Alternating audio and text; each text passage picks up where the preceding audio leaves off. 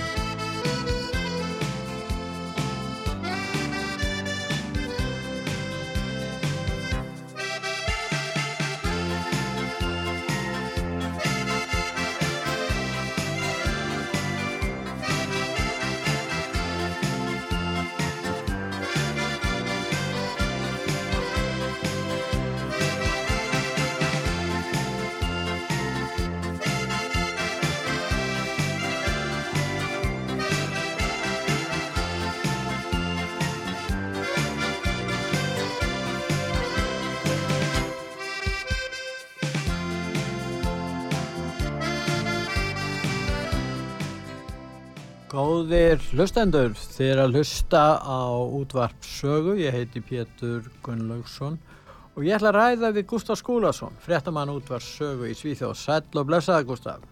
Já, kontum marg blessaði Pétur og hlustendur útvarp sögu.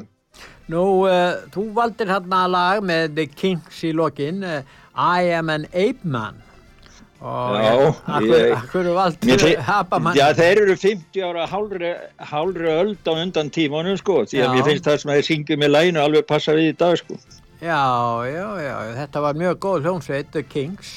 Já, já og við skulum endilega hlusta þá í lók þáttarins. Ef við skulum byrja sko, það hefur nú verið eh, kannski ekkert mikið talað um það núna í sambandi við COVID-19 og, og uh, hérna, nú segja menn að menn verða að lifa með COVID-19 og við heyrum sko frettir frá Shanghai, frá Greiklandi, frá Nýjasjálandi og við úr heimun, ef ekki að bara byrja í uh, hérna Shanghai? Shanghai, já, já. Þetta, ég get sagt sem er stærsta borgin í stærsta og öflugasta borgin í Kína, það er, er það ekki rétt?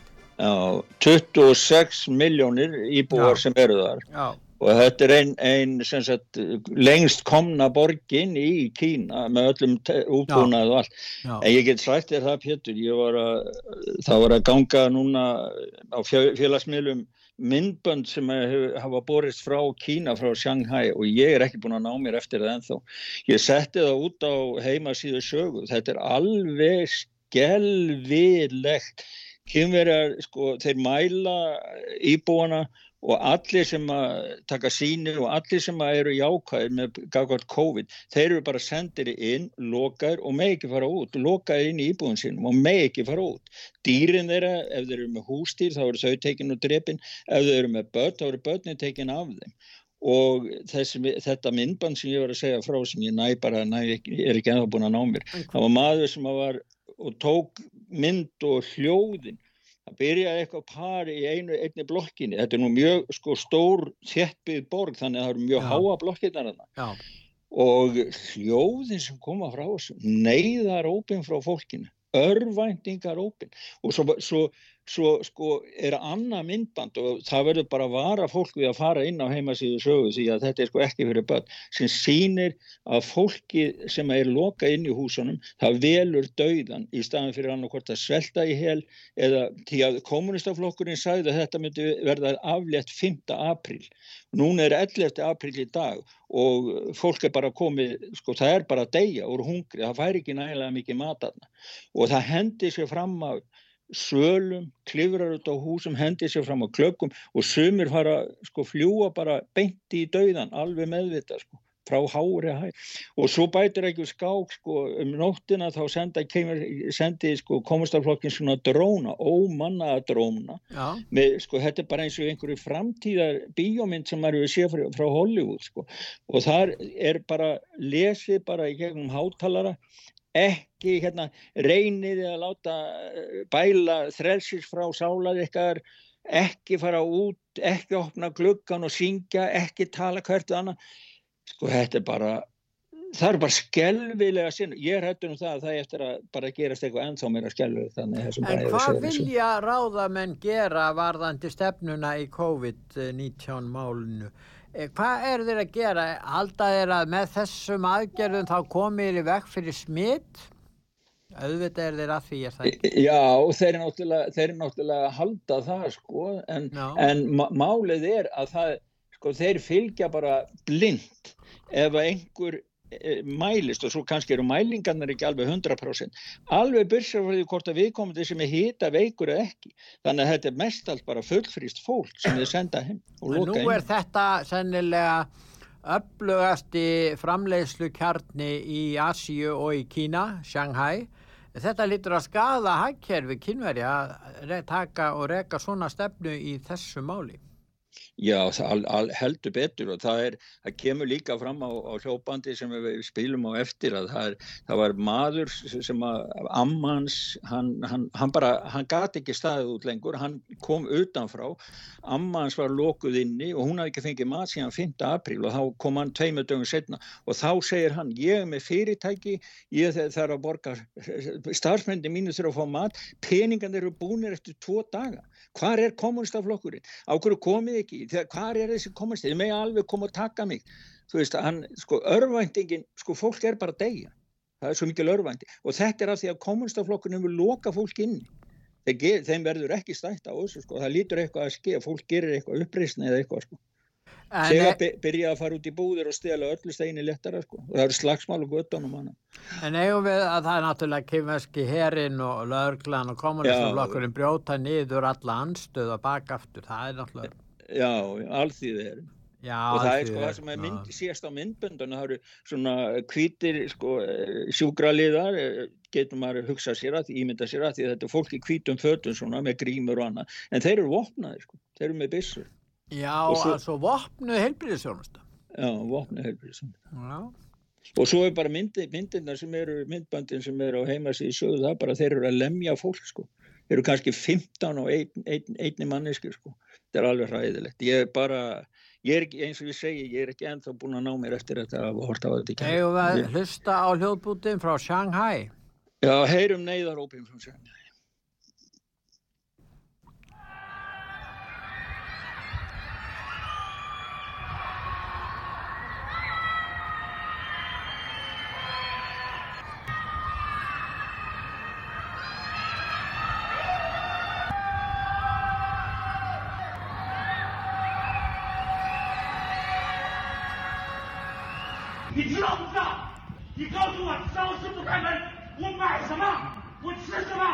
我喝什么？你把人逼死了！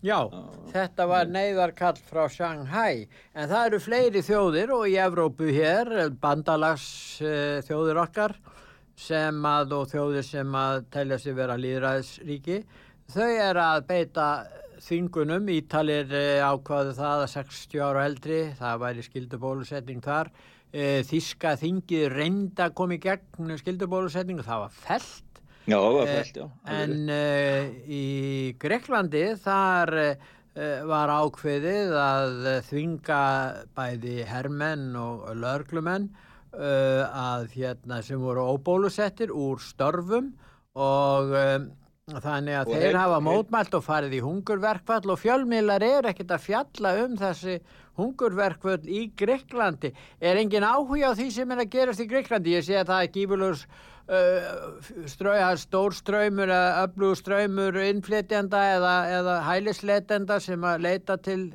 Greiklands þeir hafa lendi geysilegum erfileikum síðustu árum og núna þetta Já, nei það er sko Greikland þeir öllu að afleta þessu núna held ég í mars en það var framlengt, framlengt uh, fram til bara 31. desember, það er að segja út allt árið og það eru vist einhverja, sko þetta gildi fyrir ofinbæra starfsmenn að ef þú ert ekki bólusettur eða hefur ekki tekið ból, bólusettinga og örfuna skamtinu fyrir 31. mars, þá ertu sendur heim í launalist leiði sendur heim í launulegsleifi. Þeir, þeir segja ekki upp starfsmennunum en þeir senda heim og ef þú ert heima launalöst er, og færði ekki að fara í vinnuna, já hvað er það annað heldur en uppsögn?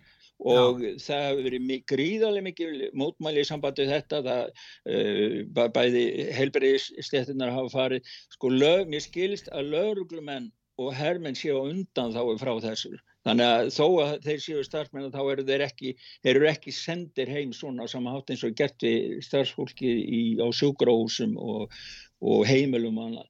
En e, þeir hafa verið núna í hungurverkvalli, hópur heilbriðs sjúkralega, heilbriðs starfsmann á spítalum, verið í hungurverkvalli og þeir fóru um daginn með, með fimm, fimm mann sem eru búin að vera núna á þriðju eða fjóruðu viku hungur, hungurverkvalli og e, þannig að þetta er það eru mikil átök um þessi mál þarna.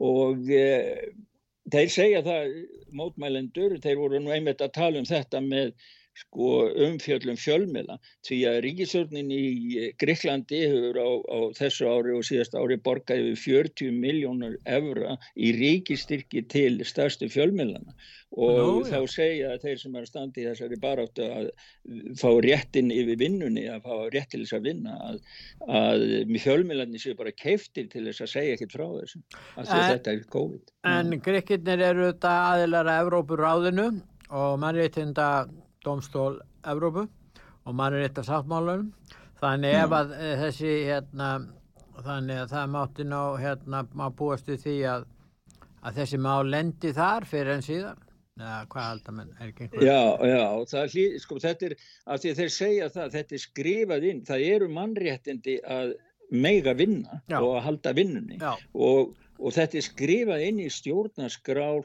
flestadra líðræðis ríkja bæði hérna í Evrópu og annar staðar hinnum einn á nettunum þannig að sko fyrir að síða hlýtur þetta að koma til kasta mannréttinda dómstóla það ég trú ekki öðru sko. Eins og, eins og gerðist reyndar í, í, í sjá, á Nýja Sjálandi. Þar er nú svona uh, kona sem hefur stjórnan okkur lengi sósildemokrat sem hefur fengið mjög góða umfjöllun í, í fjölmiðlum. Og hérna hún hefur fengið já, hann má segja að sér tala mjög vel um hana og hún hefur hins vegar uh, hérna samþygt þingandi bólusetningar og uh, hérna já gróf mannréttindabrót segir hæstiréttur Nýjasjálfans Já, um það, er, það er mjög aðtiklisvert eh, og fordæmi skjáðandi vonandi fyrir önnulönd líka þegar að sko hæstiréttur hann dæmdi núna, hann, sko hún og ríkistjórn hennar, hún er verkamannaflokkur og umhverfisflokkur í, í ríkistjórn í Nýja Sjálflandi hún, hún var sjálf, hún heiti Tjakkenda Ardern eh, fórsættisáðarinn og hún var nú sjálf þegar hún var yngri, þá var hún nú eh, forseti alþjóðasambands ungra sósjalista í öllum heiminum. Já, já og hérna og hún keiriði bara þessa hörðu stefnu eins og maður hefur séð í Ástralíu og eins og þeir eru með í Gríklandi hún keiriði þetta, fólk var bara, bara reiki heim og það eru bæði lauruglumenn og herrmenn. Og, og, en, en þeir kæriðu kæriðu þetta. Og þetta fór allarleið upp í hæstarétt sem er nýbúin að dæma. Og dómstólinn komst að þeirri niðurstöðu að það brjóti í bága við stjórnarskrá landsins og sé gróft, það er ekki bara mannréttindabrót, heldur gróft mannréttindabrót að þvinga fólk til þess að láta bólusetta sig og, og setja það úr vinnu. Hann segir, hann segir það, Francis Cook heiti dómarinn, hæstarétta dómarinn að það, hann segir þrýstingurinn um að hætta störfum takmarka réttin að halda því starfi sem á líta á sem mikilvæga rétt eða viðurkenda hagsmunni, ekki aðeins í landslöfum heldur einni og alþjóð vettvangi og þannig að það er sögna sem að sko, skrifi, skrifi um þessi mál í heiminum e, e, dreifast út sko, og gott að það dreifist út til allra annara landa líraðislanda sko. Já Nú ef við förum nú að tala um önnur líðræðisík í Evrópu þá voru nú kostningar í gær í Fraklandi það var svo uh, fyrir hluti fórsetakostninga í Fraklandi og það voru tólf frambjöðundur og það voru hérna nokkrir frambjöðundur sem fengu svona skiptu þessu fylgi, nokkrir fengu lítið sem ekkert fylgi. Ég tók eftir því, ef fyrst þú varst nú að tala um sósælista þarna í, í, í Nýjasjálandi, þá var borgarstjórin í París, uh, hún var í frambúði fyrir sósælista og fekk 1,8% af fylgi. Það er ekki mikið. Er það þessi Anne Hidalgo eða hvað, hvað, hver Já, er? hún er hild, nei, hún er, hún er, hún, ég man ekki nákvæmlega nafni á nei, henni, sko, já, en, en já, hún hérna, hún fekk 1,8 og hún er borgarstjóri í París og vann á síðast, bara góðan sigur. París er auðvitað öflugasta þéttbýlisvæðið í Fraklandi og það er náttúrulega uh, Já. skiptir verulegu máli hvað hva, hva, hva Parísabúar kjósa. En þessir tólf, af þessum tólf, þá er í efstasæti fósiti hérna Fraklands, Emmanuel Macron, hann fekk 27,95, uh, tæplega 28%. Þetta er nú, jú, jú, þetta er nú kannski bara í samræmi sem var spáð, kannski jafnvel heldur skárra heldur en var undir lokin, þannig hann er bara mjög sáttur við það, blessaður. Já, já. En uh, sko málið meðan Macron að á sínu tíma fyrir fimm árum síðan þá var hann alveg nýr og saklaus og, og hérna og hafði engar syndir á bakkinu í pólitíkinni. Þannig að menn sagði að við treystu við þurfum að fá einhvað nýja, nýja stjórnmálamenn og hann kom þarna fram og sagðist búin að vera að stopna nýjan flokk og, og búin að fjármagna það alls saman blessaður. Og flokkurinn hans fekk meiri hluta í þinginu og hann var kosið fósiti og hann lofaði byklum breytingum og svo bara urðengar breytingar Gustaf, það var nú bara þannig eins og kannski. Já, já, en, en nema það var verið að berja á mönnum eins og guluvestunum og þessu fólki og þeir voru nú ekki hrifnir af því þannig að þessi Macron hann er mjög óvinnsæll fósiti, það er óvægt að segja það. En Já, hann er verður efstur og í öðru sæti er það Marine Le Pen sem hefur nú svona er köllu gætnan öfga hægri manniska en hún hefur nú eitthvað slegið af þessu. Ég held að menn sé nú ekki að tala um, um hana sem öfga hægri manniski núna nema þeir sem hafa pólitíska hagsmun af því. En hún fekk 23,15 og sem er nú svona, hún er í öðru sæti og hún tekur þátt í því að hún verður í setnu umferðinni. En það er spurningin hvort hún eigi möguleika í setnu umferðinni, það er stóra spurningin. Það er akkurat stóra spurningin og þessi lýsing sem að sko gafst núna og hún eh, passar mjög vel við uh, sænska sjónvarpið var með frettamann náttúrulega á, á, á, á hjá Marilyn Penn og Já. sem var um daginn á kjördaginn að taka viðtölu við frak, fra, fra, frakka Já. og tók viðtal við þrjár konur sem voru stopnendur gulvestunguna Já, og það er akkurat það sem að þú segir sko, hún, hún sagði það einn þar, hún sagði það verður Macron endur kjörin fósetti þá verður allt brjála í Fraklandi. Það verður verra en með gulvesting. Fólk talar um að ef Macron verður endur kjörin þá kveiki við öllu en eldarnir ætti að loga nú þegar því þá verður orða að segja. Þetta er svo mikil harka í þessu sko. En hún sagði það sko að þegar að hann eh, var kjörin fósetti þá lofaði því að engi myndi þurfa að verða heimilislaus en núna Já. þá er, hafa orðið svo mikla kjaraskerðingar já, og fleiri lifa sífælt í meiri örbið og, lifa á þannig að jafnvel götunni. fólk sem er með lifa á Ha. göt- lifa á göttu niður í bílónu sínum. já og það hefur ekki eins og nefna á bústað þó að maður hafi, hafi fasta atvinnu Já, þannig að það er gríðarlega svona inn, búið að steipa inn í, í fósita tíð hans þá hefur steifst inn í þjóðarsál frakka uh, svona óánægja með með hann og það var eins og eitt sagði sko, hann er frambjóðandi globalistan og Európa-sambandsins, hann hefur aldrei elskað Frakland og hann skilur ekki það- frakkan á götunni sko, venjulegt fólk. Þannig að, en spu, stóra spurningin eins og eh, er sko fullur kommunista eða vinstri manna þarna, eitt sem að fekk nú næst var nummið þrjú. já hann fekk mjög mikið fylgi, hann fekk 21,95. Hann heiti Já. Melenkong. Uh, Já, Melenkon, já. Já, á- hérna, og hann er, það er spurningin, stóra spurningin núna, eftir halva mánuð verður setna umferð fórsettakostningana. Hver fær þetta fylgi hans? Það er líklegt að einhverju þeirra sitja nú heima. Þeir þóla ekki Macron og ekki heldur Marine Le Pen. En þeir sem kjósa, það er spurningin, og ég sá einhverja könnun að alltaf helmingur hans manna gæt tæplega vísu, tæplega helmingur gæti hugsa sér að kjósa Marine Le Pen. Ef að það gerist, þá á hún sennilega möguleika að verða fórseti. Já, hann hefur gengið út ofinberlega og, og sagt sko að því að þetta frá hans sjónum mér séð þá eru þetta tveir hægri aðilar, einn hægri maður Macron og svo ennþá meiri hægri, hægri maður kona eh, Le Pen. Þannig að hann hefur beðið sína fylgismenn um að mæta ekki, kjósa ekki eða þá ef þeir koma að þá skila auð en svo er svo mikil ílska út í Makrón að það er, við vitum ekkert hvað kemur út úr þessu, hvernig fylgismenn hans bregðast við. Það er alls ekkert víst eins og þú segir að þeir fylgi honum neitt Nei. núna þegar og svo er þetta eins og þú segir það er vola mikið rætt um það líka og það gerir náttúrulega Makrón að það verði gjör breyting á, á, á stjórnmálalandslæginu í Evrópu og til dæmis Le Pen vinnur. Þannig að Já. ég býst við frekar svona innan gæðis að lappa sóðalegum kostningaslag núna sérstaklega frá Makrón á mótu Le Pen til þess að bóla henni, henni burtu. Og það eru stór, stóra sveiflur eins og þú sagðir áðan með borgarstjóra París sem að hefur dettu niður er ekki minnum ég meina, er, ég meina það, tvekja prosenta fylgi það er frekar Já. lítið sko já, þetta er bara sko, þetta er svo stóra sveiflur skilur. hún Já, en hann sko, hún er, hún er borgarstjóri í París já til já, og, og hugsa. sósialistandir eiga nú að geta náði nokkur hundruð þúsund atkvæði í París og það væri nú ekki annað annars já.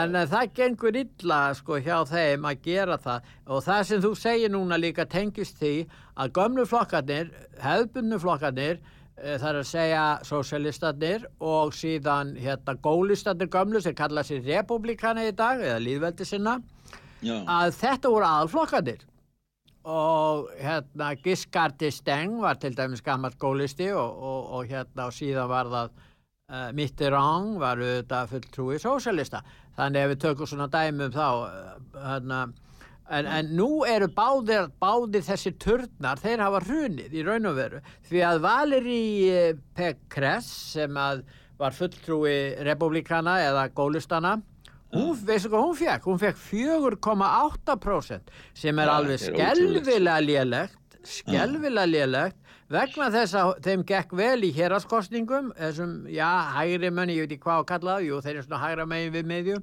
já, og uh, nú fær hún 4,8 og henni var spáð til að byrja með 12-14% síðan datt hún Já, þetta er 8-9 og núna fyrir í síðustu viku var hún með eitthvað 8-9 en nú er hún komin neyri innan við 5 sem að síni það að, að það, og svo líst hún því yfir að hún vildi styðja Macron á kostingafundi hérna í gær. Já. þegar að kostingarna lágu fyrir hún að- lágu fyrir að hún hafði orðið fyrir afróði og, og, og flokkurinn miklu áfalli þá líst hún yfir stuðningi við Emmanuel Macron og þá var púað á hana. Einhverju gerðu það held ég.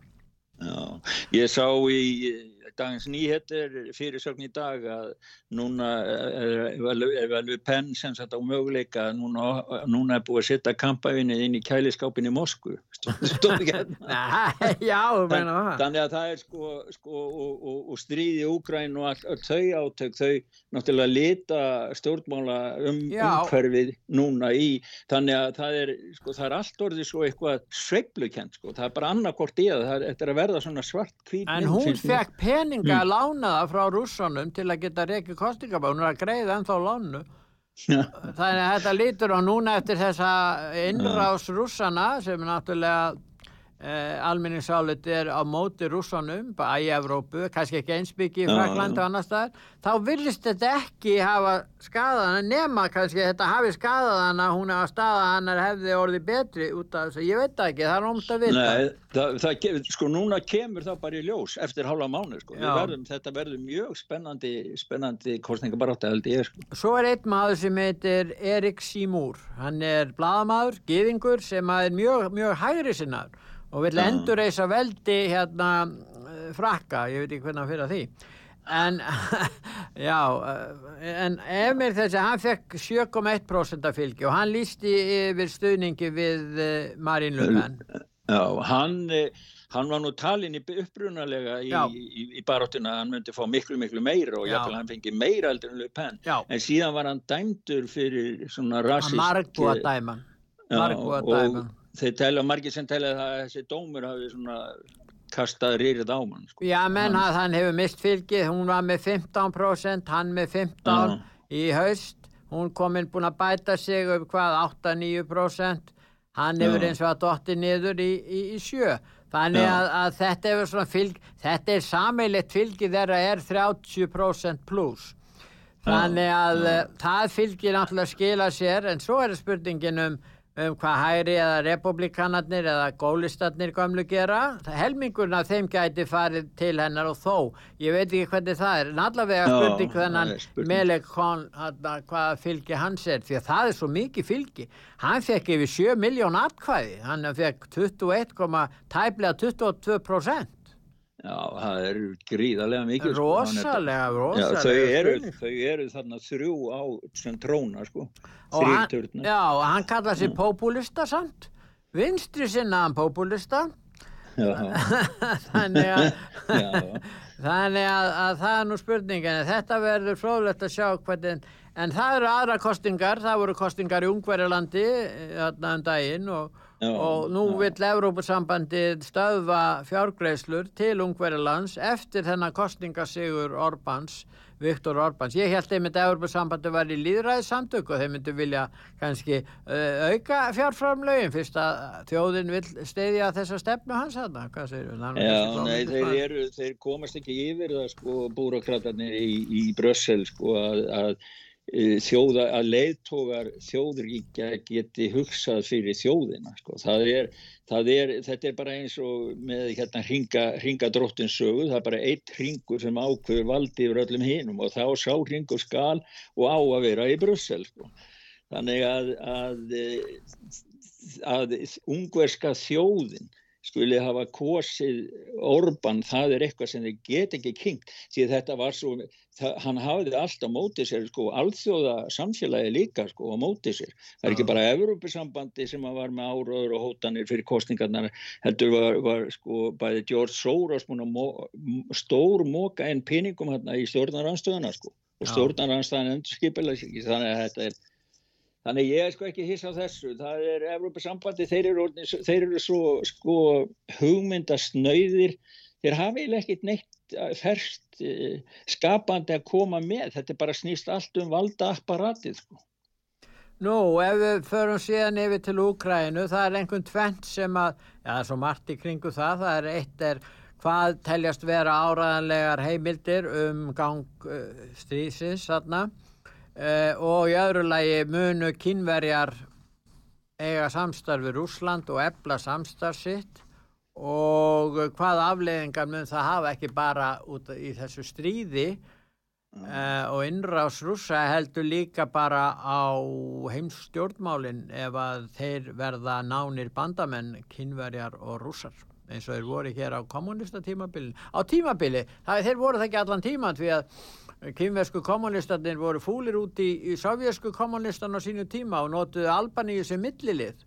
Og koma, a, a, a, ef þeir voru að kvarta undan einhverju þá kom Albaníu og kvartað undan hérna, því hvernig Sovjetið hagaði sér. Og þeir voru þá að endurróma það sem að, að kynversku kommunistarnir vildu. En núna er staðan auðvitað allt önnur en Já, þeir, hvað, hvað getur gerst? Engi millilegur í dag. Þeir voru á fundi saman, Lavrov, utanriksvæðara Rúslands og kýmerski starfsbróðunar hans Wang Yi. Þeir voru á fundi núna um daginn saman og, og heldur náttúrulega fjölmjöla funda og eftir sko.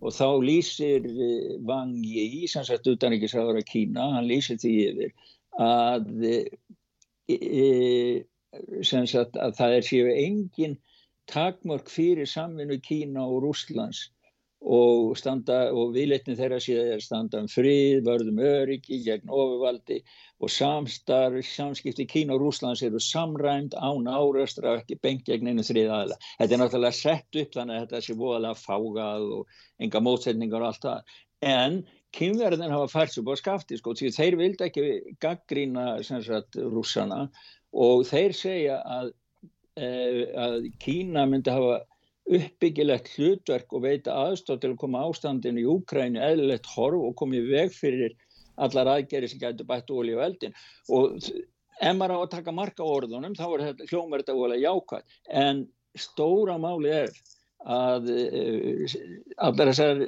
þvinganir sem voru nú byrjað löngu löngu áður en að rúsar reyðust inn í Úkrænu á, á rúsana hafa verið ferli sem að enda í þessu, þessu aukna samstarfið millir Kína og Rúslands og hvað það þýðir ef að hernar átökin eh, aukast það getur bara þýtt að, að, að vestuveldin fá eh, stærri óvinn á móti sér En e, líka eru vestuveldin að taka harðar á mannréttindabrótum rússa heldur en kýmverja?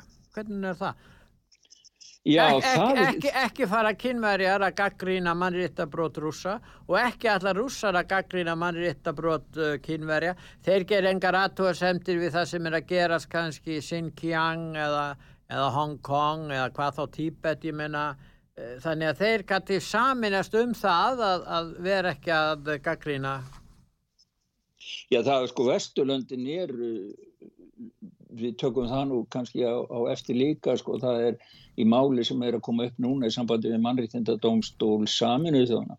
Vestu löndin, þau eru í sko í, með akkilisar hæl þau eru vegna þess að þau hafa farið með allt sitt eh, ólíkarkarnir og stórfyrirtæki rísafyrirtæki til Kína til þess að nýta ódýrt vinnuafl og græða meiri peninga Já. þá eru þau með akkilisar hæl gagvað kýmisku kommunistum ég meina fyrirtæki eins og Apple og, og Nike og þessi stóru flottu fyrirtæki þau, þau og við sjáum það í Hollywood og, sem við hefum rætt svo mikið um sko, Já. þeir þór ekki þeir, þeir þeir þór ekki, ég menna leikar er að koma og segja, að já, já, ég, ég meinti ekki þegar ég var að segja að Tæma væri sjálfstætt land, veist, er, þeir eru bara há, orðin háðir Kína, þeir eru háðar í Kína í dag heldur en þeir eru háðir liðræði og liðveldin á, á Vesturlöndum, sko.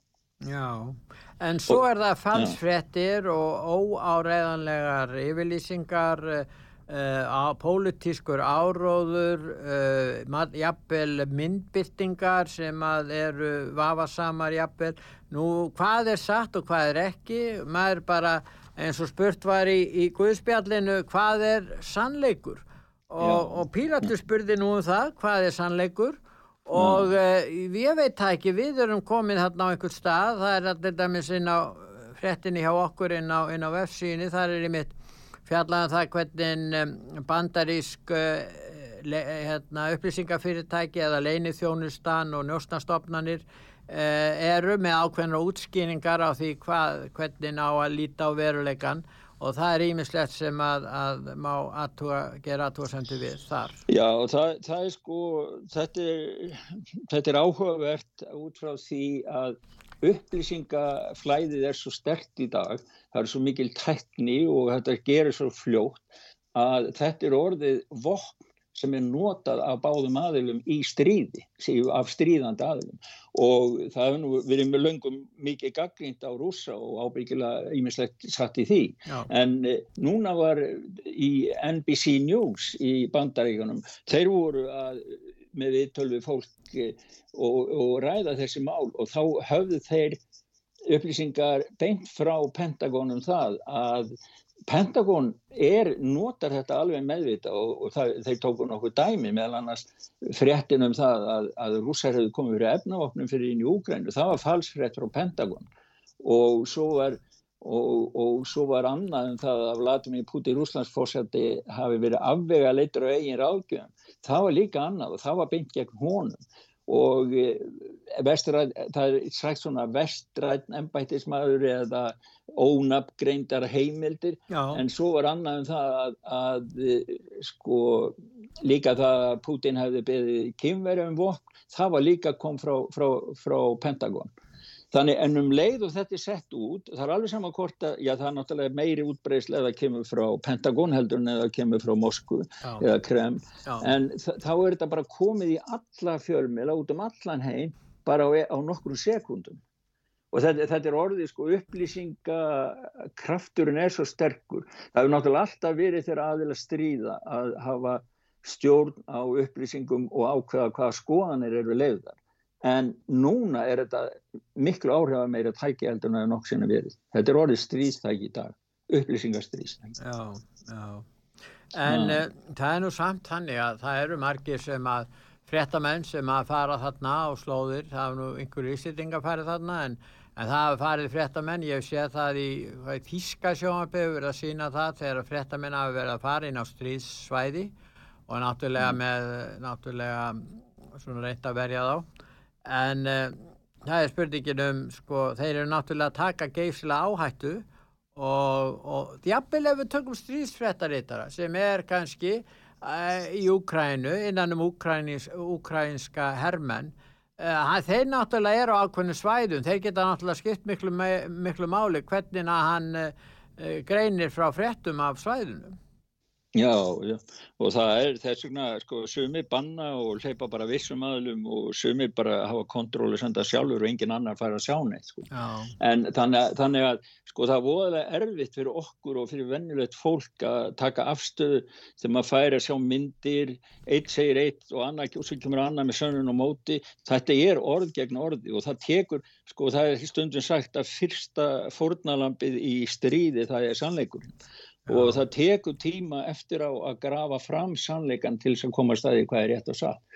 En e, það er nú góða fréttir allavega hérðan að í sambandi við stríði í Úkrænu því að það er mikið af lestarnar eru að fyllast aftur af flóttafólki sem er að fara tilbaka til Kív Já. og sænsk, sænska sjónvarpi var með viðtali morgun við, með manneskuði í Kív sem sagði það að þeir eru byrjað að opna aftur restaurantana að vísu er útgöngu bann á kvöldin en eftir að rúsarni fóru þannig að fólki fara að fara tilbaka og eru að reyna að komast aftur að sækast eftir eðlulegu lífi og það maður bara vonar að það verði að halda áfram. Já. Hins vegar hefur Selenski, hann hefur nú gert svolítið mistök núna því að hann var á fymtudaginn, hann hefur verið í mikill áróðsherrferð á, á, Já, hann hefur verið tekið mjög vel af uh, þingliði og, og, og hann hefur verið á löggefa samkomum um alla Evrópu þar sem að tekið er, er mjög vel á mótónum eða hann, hann er hérna á að, að, að hérna, sjónvarpa úr Já, já, hann, hann, það er fyrirfram innspilað myndband sem er, er, er síðan sínt sko. Já. og við til dæmis hérna í sænska þingin og stóðu allir bara,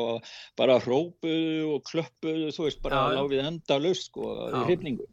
Og þannig að allir voru En okkur ágreiningur í sænska þinginu að styðja Úkræn, eh, veistu það?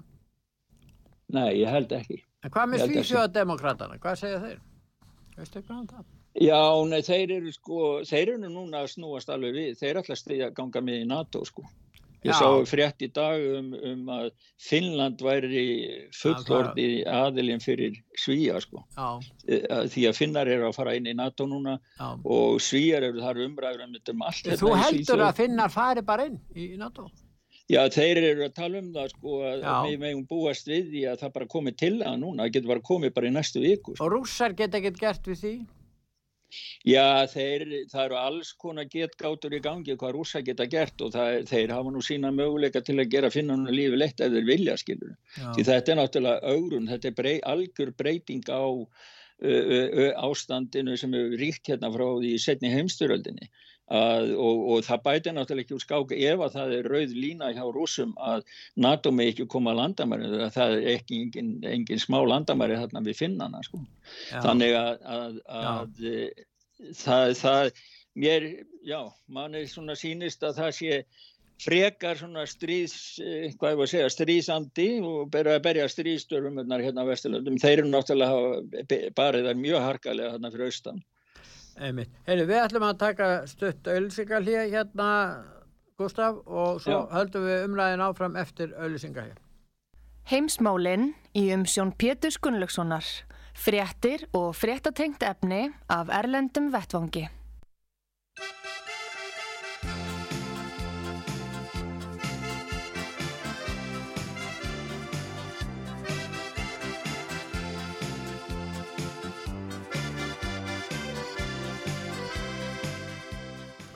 Góðir uh, hlustendur, þið er að hlusta á útvarpsögu, ég heiti Pétur Gunnlóksson og ég er að ræða meðan Gustaf Skúlason, frettamann útvarpsögu í Svíþjóð. Nú Gustaf, eh, ef við förum til bandaríkjana, þar er náttúrulega, eh, við erum að tala um landamæri, innrásinn í ríki, en þarna eru landamæri nokkuð opinn, söðu landamæri bandaríkjana og þar flæðir fólk yfir og það fólk hyggst ekkert fara tilbaka eins og, eins og kannski hælisleitendur frá Úkrænu. Þannig að núverandi ríkistjórn undir stjórn Joe Bidens að hún hefur bara ákveð að leifa þessu að vera svona, þeir telja þessi bara gott og, og þetta sé bara hlut af þeirri stefnu að, að styðja fjölbreytileikan að, að leipa þetta fólkin ólöglega í stórum stíl. Og nú er spurningin hvað er hægt að gera? Ég meina nú hefur einn ríkistóri í Texas hann eh, fann upp það ráð að leia bara rútur og keira innflytjendur þessu ólöglugu til Washington er, er, er þetta einhver er þetta einhvers konar eh, hérna Já, hvað er að kalla þetta? Aktivismi hjá honum? Já, já, þetta er náttúrulega mótmæli, sko, hann er ósáttu við að þurfa að taka móti fólkinu, það get ekki vísaði út því að eftir að, að, að Ríkisjótt Bætens kom inn í máli, sko, þeirra afnámu einhverja undan þá og, og þá verður geta innflytundu komið beint inn og þá verður fyrsta ríki að taka og sjá um það og hann er ósátt við það og þeirri Texas hann, það var frétt frá hérna, Texas Tribune sem að sagði það að hann hefði leikt 900 rútur Já. og alltaf að flytja alltaf ólöglega innflytjendur beint til Washington, keira á þangað og hleypa þeim út í tröppunar og þinghúsinu og skil, skilja þá eftir það. Ég hef ekki heyrt meira því eftir það. En, en við erum að tala um á einu ári, við erum að tala um ekki mörg hundru þúsund, við getum verið að tala um miljónir manna sem að fara hann inn í. Hvernig getur, geta þér tekið á mótu öllu þessu fólki? Nú er þeir að taka við löglegum innflytendum eins og frá Ukrænu. Já, þeir tóku af þessu, það var ekki nema 100.000 manns að það var nú samt frá Ukræni til að byrja með en, en hvernig er að geta staðið undir þessu bara kostnar ég meina á svo mörgu sviðum að þetta fólk náttúrulega hverfur inn í mannhafi þarna í Los Angeles og það er ymsöfl sem er kannski ekkert gott að sé að styrka stöðu sína Já, en það líka er vandamálinn hafa vaksi gríðarlega sko og það er Það er nú mikið tala um það að bæði eitulíf, það er náttúrulega gríðalegt aðtunuleysi. Heimilislausir eru bara röðum, í röðum þarna í Los Angeles og, og San. Francisco og við þarna á vesturströndinu, Seattle þarna fyrir norðan. Og, og, og mikill hópur á fólki sem er ekst skild með þessi lifi bara á svona kupongum sko, eða matamiðum. Þannig, þannig að þetta er sko, og miða við er fréttir og það, það umkörfi að það er að breytast núna, verðbólka, allt já. hækkar maturinn hækkar og ég vil vera að tala um mataskort í heiminum að þá, sko þetta er, bætir ekki ástandið þannig að maður skilur það en það er orðið ástandi í bandaríkjum er orðið þannig að mér skilst að fulltrú og vissar að ríkja sér í alvöru að veltaði fyrir sér að taka sér út úr banda, sjálfum bandaríkjunum og stopna annað ríki því að þeir eru búin að gefast upp á þeir reyna eiga samskýt og þetta sker sér algjörlega millir demokrata og republikana sko og Já. þeir segja bara við upplifum raunveruleikan á svo ólíkan hátt og það er ekki samskýt á milli þannig að það er verið að ræða svona hluti tímiður.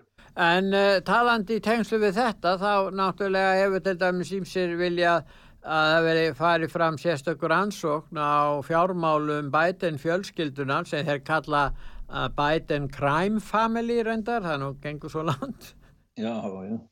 Já, það var nú hérna, einn, fyrirum ráðgjafi Ronald Reagans, 1980 stjórnandi á Fox News, hann, hann var með svona voðalega ræðu svona, hann, vil láta skipulegja, skipa sérstakka svona rannsóknar nefnd til þess að fá að vita hvað sé í, í gangi hjá Biden fjölskyldinu sko. og það hann vittnar í fartölfu höndi Bidens og, og er mjög ósáttur við að, og ekki bara hann heldur margi með honum að fjölmilanir földu það sem að voru ekkert að segja frá því það sem að þeir vissu um að vara á, á, á hérna tölfunni sko. Já og hann sagði við erum með frjálsa fjölmila en þeir eru spiltir sko. Þannig að hann var þannig að það er Hallríkis nefnd vildi hann stopna og svo náttúrulega FBI Já það eru heimildi fyrir því að þeir hafa reynd að fela sannanir gegn Hunter Biden og, og fjölskyldunni þarna. Já, þeir eru með, sko, og núna var, var hérna Jack Maxey sem er eh, uppljóstrari, hann fekk ekki afrið af harddiskunum frá honum Giuliani fyrirvændi lögfræðingi Trumps. Já, og já. hann er búin hann, hann, hann, hann er flúin til Sviss og er þar núna já. Hann, let, hann segist þeirra búin að hann ætlar að lofa byrta, búin að láta Daily Mail hafa 450 gigabæta efni sem hafi verið eitt úr tölfunni og já, þessari vítistörfu þannig að við meðum búast við hann segir að þessu meðal annars 80.000 myndir og myndbönd og meirinn 120.000 tölfubrif og hann þúrar ekki að koma til bandaríkjana hann heldur að vera drepin og já við verðum bara að sjá hvað kemur út þessu. En það er mikið um samskipti þeirra við samskipti hönders við gasfyrirtæki rannsóknarstofu sem verður að byggja í Úkrænu þannig að Úkræna kemur inn í þetta mál stert sko. Og svo er það náttúrulega þetta snýst alltaf um það hvort að Trump ætla að fara í frambóð 2024 og hvaða áhrif hans eh, menn hafa núna í komandi þingkostningum í bandaríkanu sem fara fram í byrju nógumber og þessu ári. og eh, hérna þetta er allt í inn, tengist já, þessum kostningum og, já, en Trump hefur líst í yfir að, að hann myndi bjóða sig fram nema helsan leifið ekki. Eh, hefur eitthvað hert um helsubrest fyrirvæðandi fósittans Nei, en hann segir það sjálfur sko að hann sagði það sko, það er svo mikið þrýstingur á hann sko að, þú erður að segja allar að bjóða fram með ekki sko, þrýsting. Já, en hún finnst það að vera ofsnemt sko. En hins vegar þá segir hann, hann er bara að vara að senda svona viðvörun að það gæti orðið að hann, hann fær ekki fram eða því að hann sagði það er aldrei gott þegar læknirinn segir þú þart að koma til mín aftur. Sagði hann, en hins vegar segir hann það líka sko að hann er alveg ofinn fyrir því ef hann hefur heilsuna og hann telur ekki að neitna af öðrum framamönnum í republikana flokkum muni ganga gegn honum ef hann ákveður að gefa kosta sér, en hann er bara svona að vara við, þetta er Ég, ég skil það svolítið því það er mikill þristingur á hann að fá svöra, vil allir fá að vita hvað, hvað hann ætlar að gera sko.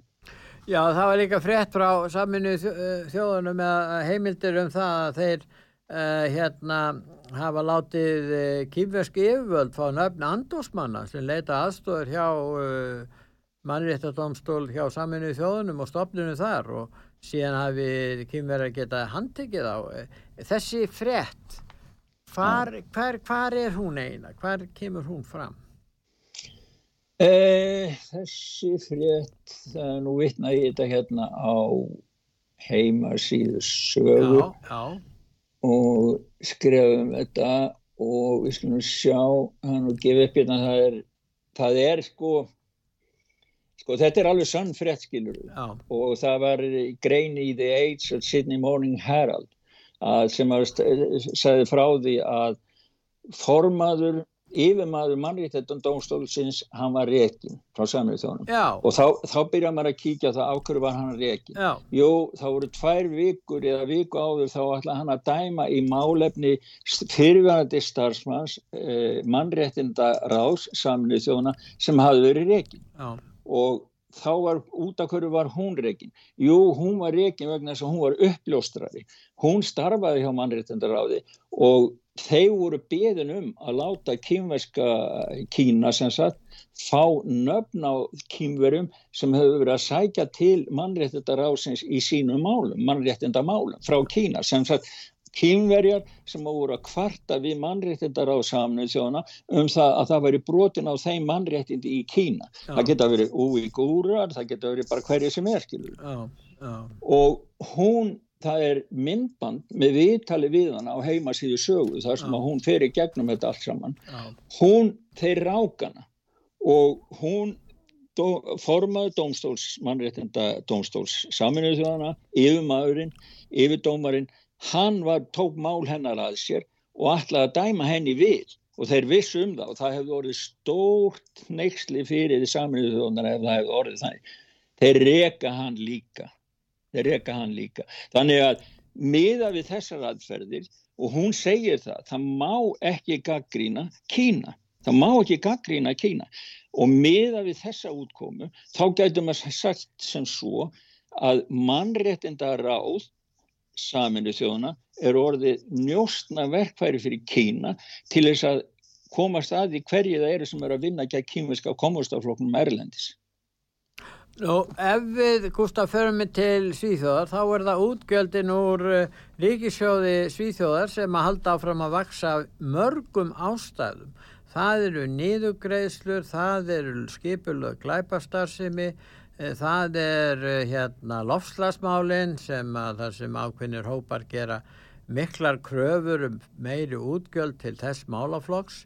Ef við byrjum á styrkjum hérna ríkistjórnarinnar meðal annars hérna til netrisana, hvernig stendur á því að, að það, þeir eiga sér stað? Já, nei, það var samningur sem að var gerður hérna að ríkistjórnin, Sósaldemokrata, þeir gerðu samningu við Facebook Já. Google og Microsoft. Já. um að byggja gagnaveri hérna í Svíðsjóð og, og þeir lofuðu þeim samningunum gekk út á það að sænska ríki niður greiti rafmagnir til þeirra og þeir, það er náttúrulega tölvöra fjárhæðu því það fyrir mikið raforka í þetta. Upp, upp á það að sí, þeir myndu lofa þúsundum starfa í, í, í staðin Núna er ríkisendurskoðunin hérna í Svíðsjóð að kíkja á þetta mál og það kemur í ljósko, það er ekki nema nokkur hundur störf. Nei. En á sama tíma þá er almenningur, hefur ramagnir, er gríðalega umræða í samfélaginu hérna. Hvað ramasverði hefur hækkað upp á öllu valdi og það verður að tala um það að kjaraskerringin sem venjuleg eh, sænsk fjölskylda, það er maður og kona með lítið hús og bíl og tvö börn, það er meðal fjölskyldan. Þau kjaraskerringin er á milli 1-2 tveikja mánu að tekna á einu ári. Já. og í því er ramashækkunin stærsti parturinn. Já. og þú ert með hækkanir líka á elsneiti og, og, og hækkanir á maturu Já. þannig að, að það, þetta verður trúlega kostningamál sko, aðrið í kostningunum hérna En það er líka afskipt að öðrum. Það, það þarf að greiða með vindmjölum af vísu, það stendur til hér á Íslandi að, að Íslandingar eða það verði leift að reysa hér vindmjölur og margir telja það góðan kost en En það hefur komið í ljósmyndskosti í Svíþjóð, þarna á einu sveitafélagi og fleiri, að já, þetta kostar niður, það verður að niðugræða þetta. Já, já, nei, það er, sko, það var bara hérna geflið, það eru tveir tímar hérna fyrir norðan okkur hérna í Stokholmi. Það er bara, þú veist, það er lítið sveitafélag og þeir keiptið og voru platað til þess að kaupa tvær svona vindmilur og reysa, allt reikið með tapi og þeir ákveðu bara að losa sig við og nótan þeir upp á staðir sem lendir á skattgreðendum í þessu litla samfélagi eru 120 miljónir sænskra króna. Það má marka alltaf með 15 sko það er 2 miljardar ábyggilega eitthvað svo 2 miljardar þannig, að þú veist sko það er hver óheila sagan á fætur annari þetta er fullt af svona sögum hérna frá Svíðsjóð sveitafjölinn hafa stoppað 70% af þeirri byggingu á vindmilum sem að ríkistóðin vil gera og núna er ríkistóðin að, að, að þræla því gegnum þingi hérna að sjálfsákonuna réttu sveitafjölana og neitunumvald í þessum málum, orkumálum verði afnömin Þannig að það er ekki verið að vinna fyrir sænski þjóðunni í þessum málum, það get ég alveg sem. Já, að vinna, vinna fre, frekari miðstýringu til að geta stýrt þessu frá, já, ríkistjóðninni. En segðu ja. mér, nú lofslagsmenn, lofslags uh, hérna og uh, þeir sem berjast gegn lofslagsvá af mannavöldum og kalla sig umhverjusvenda sinna og berjast gegn mengun, þetta er að verða mjög dýr hópur fyrir uh, skattgreðendur í Svíþjóð. Nú, uh, þeir sætta sig í raun og veru við uh, það, þá sjaldan niðurstaða er hjá tinginu eða hjá stjórnmálamönnum sem er ekki alveg þeim í hag að þá bara sætta þessi ekki við það og bara hef ég aðgerðir. Þeir, þeir eru svo róttækjur.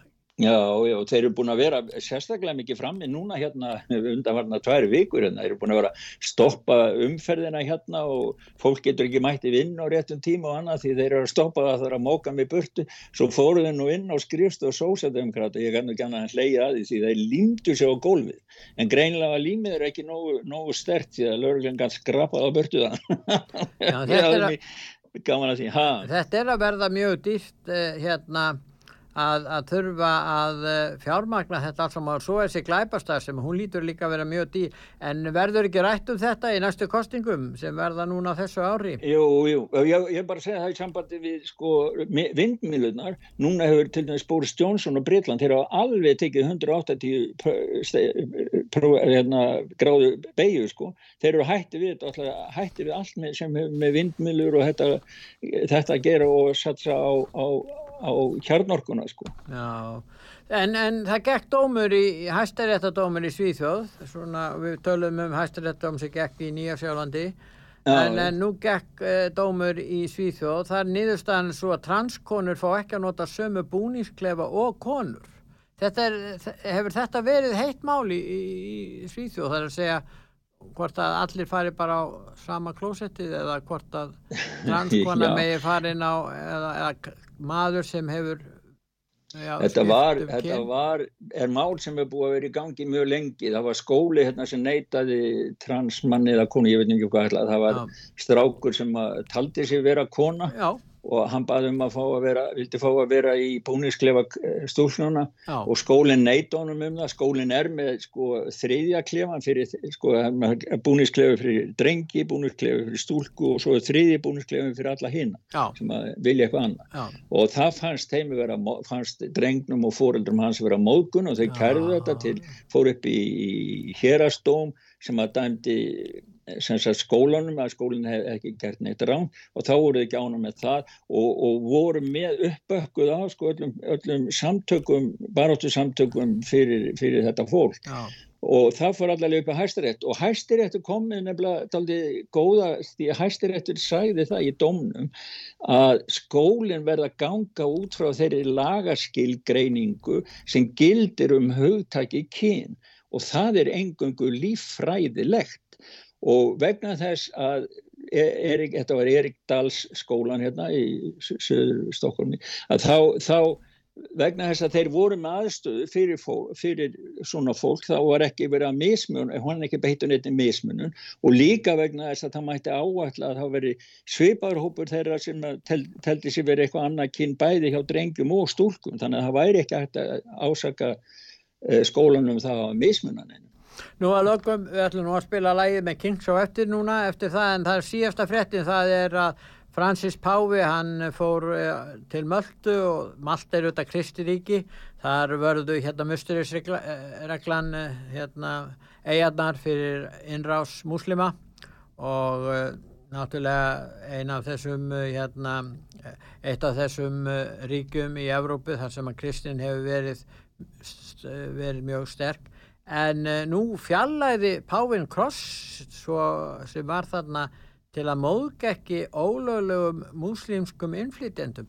Eh, hvað er að gerast þarna? Mér finnst þetta nú frekar eh, einkennilegt, eða hvað segir þú? Já, þetta er bara, þetta er bara tíðarandin í veröldin í dag að kristni og kristnarháttíðir og merki sem að minna á kristindómin er verið að, að vera fjarlæga og minga út um allan heim þetta er bara einn í svíðu en þetta er náttúrulega svolítið eftirtektar verð Já, frá Páinn sjálf já, já. því að hann, sko, hann er venjulega með einhvern kross á senunni þegar hann, en það var, mátt ekki vera þarna og í staðin fyrir þá var pengin listamæður til að bú til listaverk og maður sér myndina þegar maður fyrir inn sko, það er flótamenn, það er bara tóma plastflöskur, svona grænar og svo rauð vesti sem hefur taknað á sem hafa druknað sem hafa farið yfir hafið sko. en ég menna þetta er eins og hérna í Svíðjóð það má ekki lengur segja páskaegg. Það er, það er, það, það er svona páskaeggin í Svíðjóð eru öðruvísin á Íslandi. Og Íslandi er sukkulaði þetta er pappi og já. plast og svo leggum við bara nammi í. En, en það má ekki lengur segja páskaegg það verður að segja myndaegg. Og ekki einu sinni það sem að maður eru svona drikkur sem eru á jólum jólamjöður og, og, og páskamjöður það má ekki segja það það lengur, það er búið að breyta því En má segja gleðilega páska? Ég efast um það, maður verður bara að segja gleðilega háttíð Þannig áttu, áttu vonað því að, að það banki ykkur upp hjá þér eða þeir fretta því að að, ég segi við þig gleðilega páska hérna Já, já, já Pétur, ég vona þeir heyrið ekki hérna. Nei, ég, ég ætla bara að brjóta gegn þessu. Ég segi já, bara ég gleðilega páska til ykkar og sögu og til hlustenda og allra á Íslandi já. og ég verð bara þetta lag sem við ætlum að hlusta á núna. Þetta var fyrir 50 árum síðan en þann lýsi bara stríðin, nei stríðin, ástandin eins og það er núna. Já. Það er þetta lag sem heitir Ég ægjaman að Eipmann The Kings já. já, og það er Dave Davis og þeir félagar og, og, og þeir voru náttúrulega snillingar. Við skulum hlusta á The Kings að lokum. Ég, ég held að ég sendi bara Reykjavíkuborg stjórn Reykjavíkuborg að sérstaklega gleðilega páskakveðu með þessu lagi Já, það fjallað hann um offjölgun, verðbólgu og hungursneið og brjálaða stjórnmálamenn. Þetta á bara vel við. En við skulum, við skulum bara lusta á The Kings. I am an ape man. Takk ég fyrir, Gustaf. Já, takk fyrir. Já, bless.